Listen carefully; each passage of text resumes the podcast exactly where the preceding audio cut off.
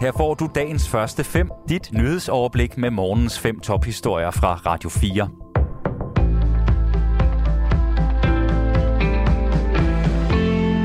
Godmorgen. Det er mandag den 8. august, og her der får du dagens første fem nyheder på Radio 4 med Sofie Levering. Vi starter i USA, hvor senatet har stemt ja til en ambitiøs klima- og sundhedsplan. Dermed er præsident Joe Bidens omfattende økonomiske plan stemt igennem i det ene af kongressens to kamre. Lovforslaget menes at have en værdi på ca. 430 milliarder dollar, et beløb, der svarer til over 3.000 milliarder kroner. Den ambitiøse pakke skal blandt andet være med til at bekæmpe klimaforandringer og sænke medicinpriser. Det lykkes kun lige at få stemt lovforslaget igennem. 50 af senatets 100 senatorer stemte for, mens de andre 50 stemte imod. Og dermed lå den afgørende stemme hos Bidens demokratiske vicepræsident Kamala Harris, som ventede stemte for. Og næste skridt det er en afstemning i kongressens andet kammer, repræsentanternes hus. Førstegangskøbere af en ejerbolig skal kunne få et skattefradrag gennem en opsparing, der er øremærket til boligkøb. Sådan lyder et af forslagene i et nyt udspil fra Venstre, det skriver Berlingske, og Anne Philipsen fortæller. Fradragsværdien skal være på 20 procent, og alle skal kunne indbetale 50.000 kroner om året i fem år. Med opsparingen kan et par over fem år så sammen opspare en halv million kroner og få en skattegevinst på 100.000 kroner. Udover det vil Venstre bruge 100 millioner kroner om året til at udvide antallet af ejerboliger med 122.000 over de næste 10 år.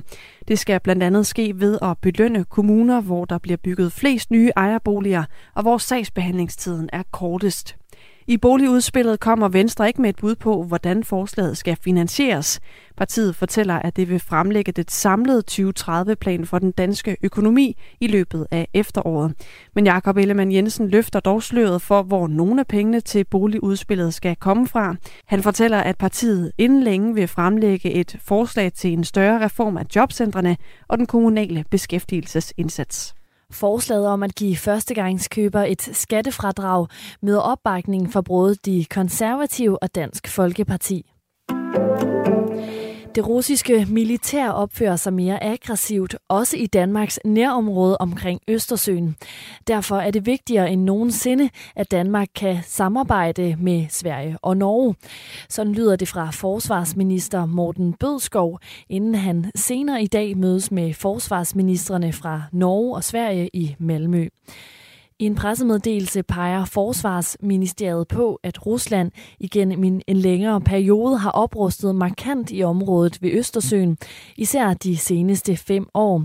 Så sent som i april i år blev den russiske ambassadør i Danmark kaldt til møde i Udenrigsministeriet, efter at russiske kampfly havde krænket dansk luftrum omkring Bornholm. Og det samme det skete i juni sidste år. Våbenhvilen mellem Israel og den militante gruppe Islamisk Jihad i Gaza ser her tidligt mandag morgen ud til at holde. Det skriver nyhedsbyrået AFP. Dermed skaber det håb om, at den tre dage lange konflikt er slut. Ifølge myndighederne i Gaza har konflikten indtil videre kostet 44 palæstinenser livet. Aftalen om våbenhvile, der trådte i kraft søndag kl. 23.30 lokal tid, skal stoppe de værste kampe, siden en 11 dage lang konflikt sidste år ødelagde store dele af det vestlige Gaza. Ingen af parterne har natten til i dag meldt om store brud på aftalen. Konflikten den er blusset op igen, efter at Israel fredag gennemførte et luftangreb rettet mod islamisk jihad i Gaza. For første gang nogensinde er en venstreorienteret præsident taget i ed i det sydamerikanske land Colombia. Det skete i hovedstaden foran store menneskemængder. Den nye præsident er den 62-årige tidligere guerillasoldat Gustavo Pedro. Han sikrede sig posten ved præsidentvalget i juni. Og de mange begejstrede vælgere, der søndag mødte op i hovedstaden, de håber, at den nye præsident kan gennemføre nogle af de ambitiøse sociale og økonomiske reformer, som han har lagt op til. Dagens første fem er tilbage igen i morgen tidlig. Hvis du har brug for en nyhedsopdatering inden da, kan du altid fange os i radioen, på nettet og i vores app. Vi høres ved til dagens første fem fra Radio 4.